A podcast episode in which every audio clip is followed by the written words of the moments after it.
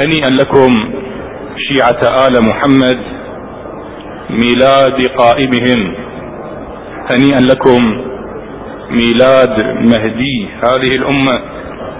هنيئا لكم ميلاد الحجة بن الحسن صلوات الله عليه وعلى آبائه الأئمة الهداة طوبى لكم شيعة آل رسول الله أن عرفتم اسمه ونسبه.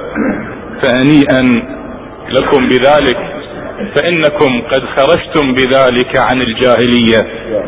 فقد قال صلى الله عليه وآله من لم يعرف إمام زمانه مات ميتة جاهلية. هنيئا لكم فغيركم يطبع في جاهليته فهو تائه ضال لا يعرف بمن يقتدي وخلف من يسير. نعم إخواني يبقى أن غيبته عجل الله تعالى في فرجه الشريف يكدر علينا معرفتنا. لكن جهلنا بمكانه وجهلنا بشخصه لا يخرجنا عن الهداية كما أن إيماننا بالله عز وجل وإن جهلنا شريعته وإن جهلنا كتابه هو هداية. كما أننا لو آمنا برسول الله صلى الله عليه وآله وعرفنا اسمه ونسبه هي هداية. وإن جهلنا الخطوة الأخرى وهي معرفة منهاج محمد صلى الله عليه وآله وسننه.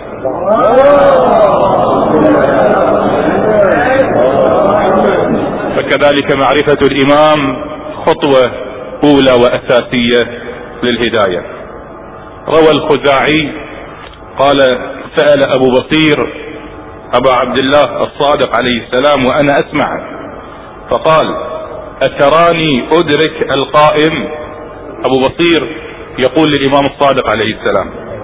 فقال يا أبا بصير ألست تعرف إمامك؟ فقال بلى والله أنت هو.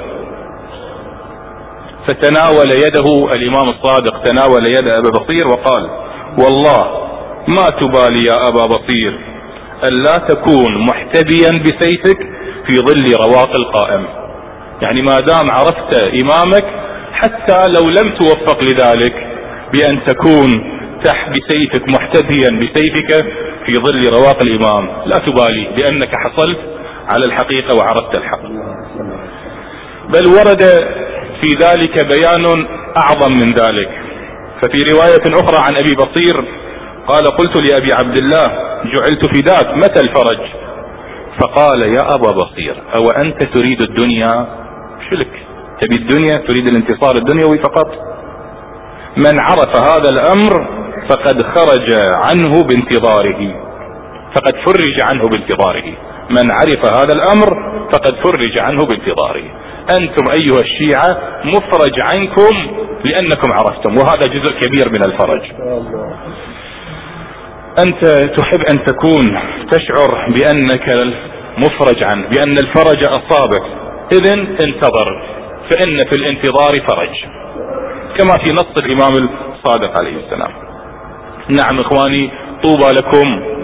تعيشون الأمل وتعيشون الفرج وغيركم لا أمل له في هذه الحياة لأنه ليس بشيعي ولأنه لا يعرف محمد الحجة بن الحسن عجل الله تعالى فرجه الشريف.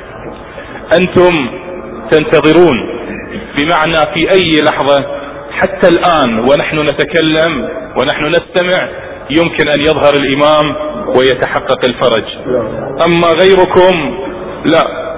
ينتظر أن يلد إمام المهدي ثم بعد أن يكبر الإمام المهدي ويموت هو سيحقق الفرج. فلا يدرك الفرج.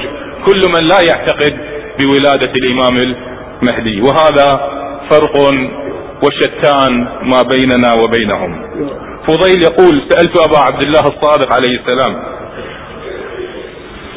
يقول أما إنك فإنك إذا عرفت إمامك لم يضرك تقدم هذا الأمر أو أو تأخر. إذا أنت عرفت الإمام ما يهم تأخر هذا الأمر أو تقدم.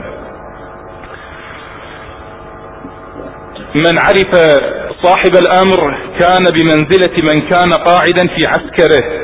لا بل بمنزلة من كان قاعدا تحت لوائه. بل في بعض الأخبار من عرف صاحب الأمر كان بمنزلة من استشهد مع رسول الله صلى الله عليه وآله.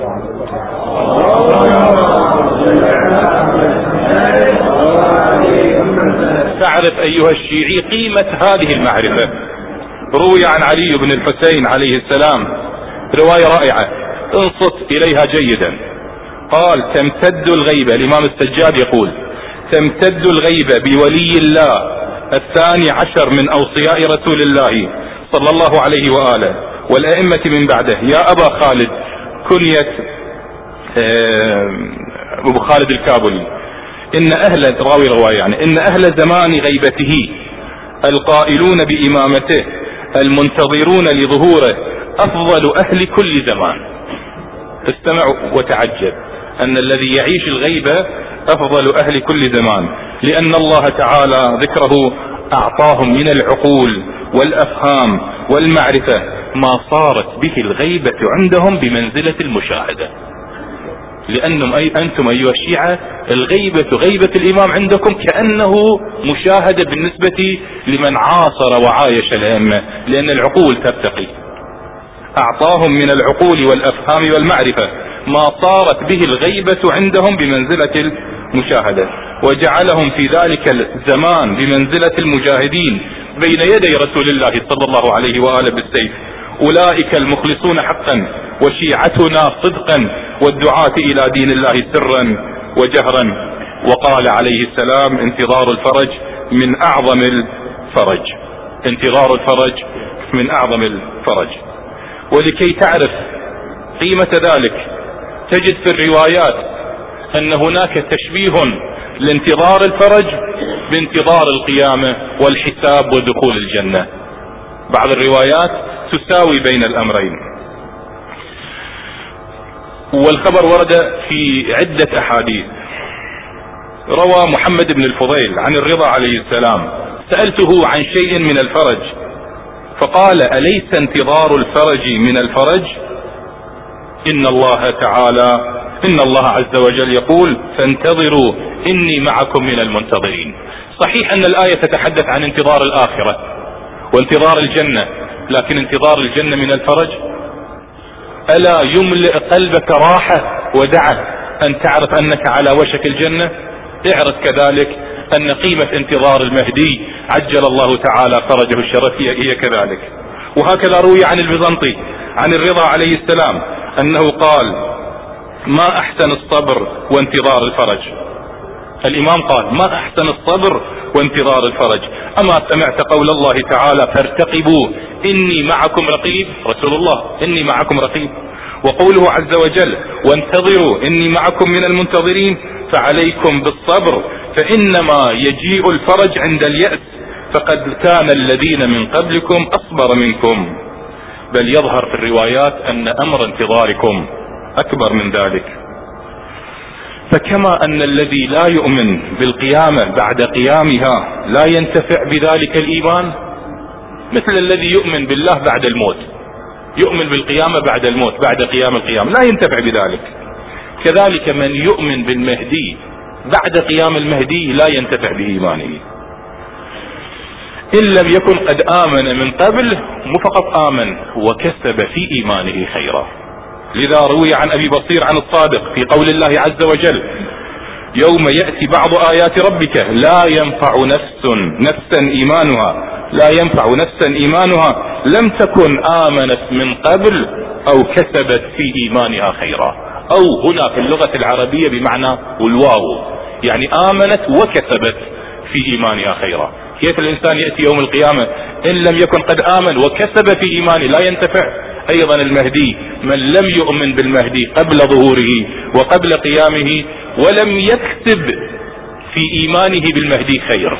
يعني انتظارك خير عقيدتك بالمهدي خير. يجب أن تكسب معه شيء. إن لم تفعل ذلك لا ينفعه ذلك الإيمان.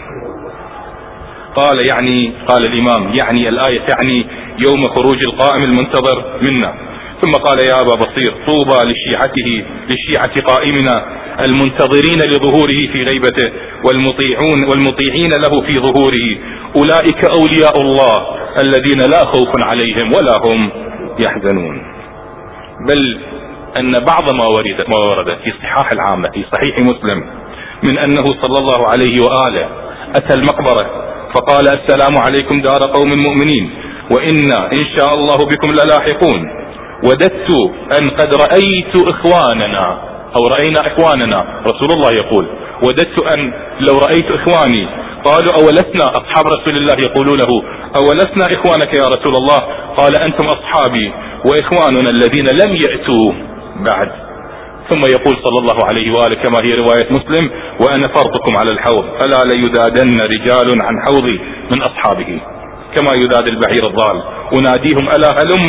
فيقال إنهم قد بدلوا بعدك. فقول سحقا سحقا. هذا الفارق بين إخوان رسول الله في زمن الغيبة وأصحاب رسول الله. ولذا من أكبر المشاكل التي يعني التي يعيشها الفكر السني هو الموازنة بين هذه الرواية وبين أن أفضل الناس بعد رسول الله الصحابة خير القرون قرني ثم الذي يلونهم ثم الذين. شو تسوون بأنه هالرواية اللي تقول إخواني أفضل من أصحابي؟ سيأتون بعدي لن تدركونهم. لذا مشكلة يعيشونها. شلون أنه إحنا نقول الصحابة أفضل الناس والرواية تقول إخوان رسول الله اللي يأتون في المستقبل أفضل من الصحابة. نفس الخبر رواه الصفار. في بصائر الدرجات عن أبي جعفر الباقر عليه السلام. قال قال رسول الله ذات يوم وعنده جماعة من أصحابه اللهم لقني إخواني. فقال من حوله من أصحابي أما نحن إخوانك يا رسول الله؟ فقال لا أنتم أصحابي إنكم أصحابي وإخواني قوم في آخر الزمان آمنوا بي ولم يروني. لقد عرفنيهم الله بأسمائهم وأسماء آبائهم. لاحدهم لاحدهم أشد بقية على دينه من خرط القتال في الليلة الظلماء أو كالقابض على جمر الغضاء. أولئك مصابيح الدجى. يتحدث عن ناس في الغيبة قرب ظهور الإمام وفي آخر الزمان. والروايات أكثر من ذلك. مو فقط تبين أن هناك قيمة للانتظار معرفة الإمام وانتظار الإمام. هناك حقيقة وراء الانتظار. قيمة جوهرة داخل الانتظار. تبينها الروايات أيضا. فالأخبار تبين القيمة الحقيقية للانتظار. روى ابن العلاء عن أبي جعفر الباقر عليه السلام أنه قال كل مؤمن شهيد وإن مات على فراشه فهو شهيد. وهو كمن مات في عسكر القائم. ثم قال ليش هو شهيد؟ ليش هذا الإنسان الذي هو مؤمن يقول أيحبس نفسه على الله ثم لا يدخل الجنة؟ يعني المنتظر هذا معناه حبس نفسه لله. فإذا أنت كنت منتظر يعني حبست نفسك لله. أما إذا منتظر باللسان وبالكلام لا. حبست نفسك للسوق حبست نفسك للتلفزيون حبست نفسك للهو. لكن الذي حبس نفسه للإمام المهدي عجل الله تعالى فرجه الشريف يعتبر هذه النفس نفس تعد للإمام قطعا سيكون شهيد. وإن مات في فراشه كما قال الإمام. نعم إخواني الروايات كلها تبرز أن الخير في زمن الغيبة في المعرفة معرفة الإمام وفي الانتظار. ولا يعني هذا الانتظار إلا حبس النفس للإمام. وهذا الحبس ينتج شيء عجيب. يفهم من الروايات أيضا. ينتج شيء اسمه بصيرة. تغنيك عن كثير من الأمور. آه، روي عن ابنة رشيد الهجري. هو رشيد الهجري حينما يتكلم بالمغيبات طبعا مو من جيبه من الإمام أمير المؤمنين من علي بن أبي طالب عليه السلام. الرواية صحيحة عن رشيد الهجري. قالت قلت لأبي ما أشد اجتهادك؟ ماكو أكثر أحسن منك في الاجتهاد يعني بذل الجهد في العبادة والصلاة. فقالت يا بني سيجيء قوم بعدنا بصائرهم في دينهم أفضل من اجتهاد أوليهم. كونهم عندهم نوع من البصيرة البصيرة اللي عندهم أفضل من اجتهاد المجتهدين السابقين في الصلاة وفي الصيام وفي غيرها من الأعمال. وقد قرأت لكم قبل قليل ما روي عن الإمام السجاد أن أهل زمان غيبته المنتظرون لظهوره أفضل أهل كل زمان لأن الله تعالى ذكرهم اعطاهم من العقول لأن الله تعالى ذكره أعطاهم من العقول والأفهام. ومعرفة ما صارت به الغيبة عندهم بمنزلة المشاهدة. هذا معنى البصيرة. الغيبة عنده بمعنى المشاهدة. ولا شك إخواني أن المنتظر يعيش على أساس. هذا الأساس يجب أن تعرفه. روى المفيد عن أبي جعفر الباقر وهو ينصح جابر بن يزيد الجعفي وجماعة من الشيعة فقال آه، ليعن في زمن في, زمن عدم آه، يعني آه، أخذوا منا النصيحة. قال انصحنا إحنا رايحين تاركينك ورايحين الكوفة. قال ليعن قويكم أيها الشيعة ضعيفكم. القوي فيكم يساعد ضعيفكم. وليعطف غنيكم على فقيركم. ولينصح الرجل أخاه كنصيحته لنفسه. واكتموا أسرارنا أسرار آل محمد. ولا تحمل.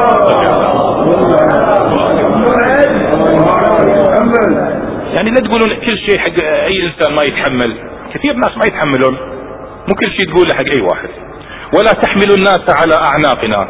وانظروا أمرنا وما جاءكم عنا. فإن وجدتموه آه، موافق للقرآن فخذوا به. وإن لم تجدوه موافق فردوه. وإن اشتبه عليكم الأمر فقفوا عنده وردوه إلينا حتى نشرح لكم من ذلك ما شرح لنا. فإذا كنتم كما أوصيناكم يعني أريد أن أقول إرشادات تفيد حتى في عالم الغيبة أنه إحنا شو نسوي؟ كما أوصاكم ولم تعدوا إلى غيره فمات منكم ميت قبل أن يخرج قائمنا كان شهيدا. إذا التزمتم بهذه القواعد قبل أن يخرج كان شهيدا. وعن أبي عبد الله الصادق عليه السلام قال قال رسول الله طوبى لمن أدرك قائم آل محمد وهو مقتد به. اللهم صل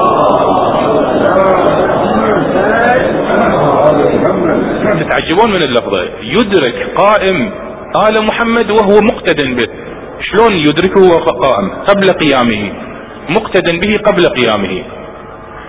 يشرح يعني شلون أنت تقتدي بالإمام قبل قيامه والإمام فرض كلام غايب.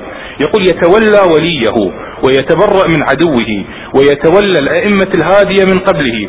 أولئك رفقائي وذو ودي ومودتي وأكرم أمتي علي هؤلاء الذين همهم أن يقتدوا بالقائم. نعم إخواني هذه المعرفة في الغيبة معرفة الحقيقية للغيبة معرفة إمام الزمان القيمة العملية للانتظار. هذه في الواقع هي أساس هنا صحيح.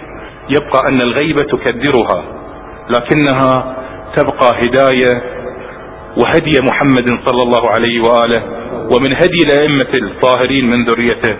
فكما نفرح بهذا الانتظار ونفرح بهذا.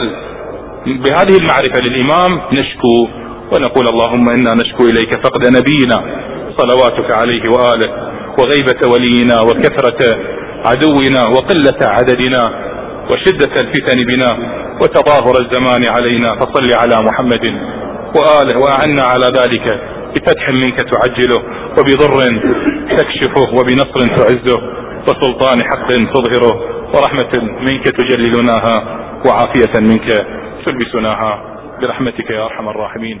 وصلى الله على خير خلق محمد وآله الطيبين.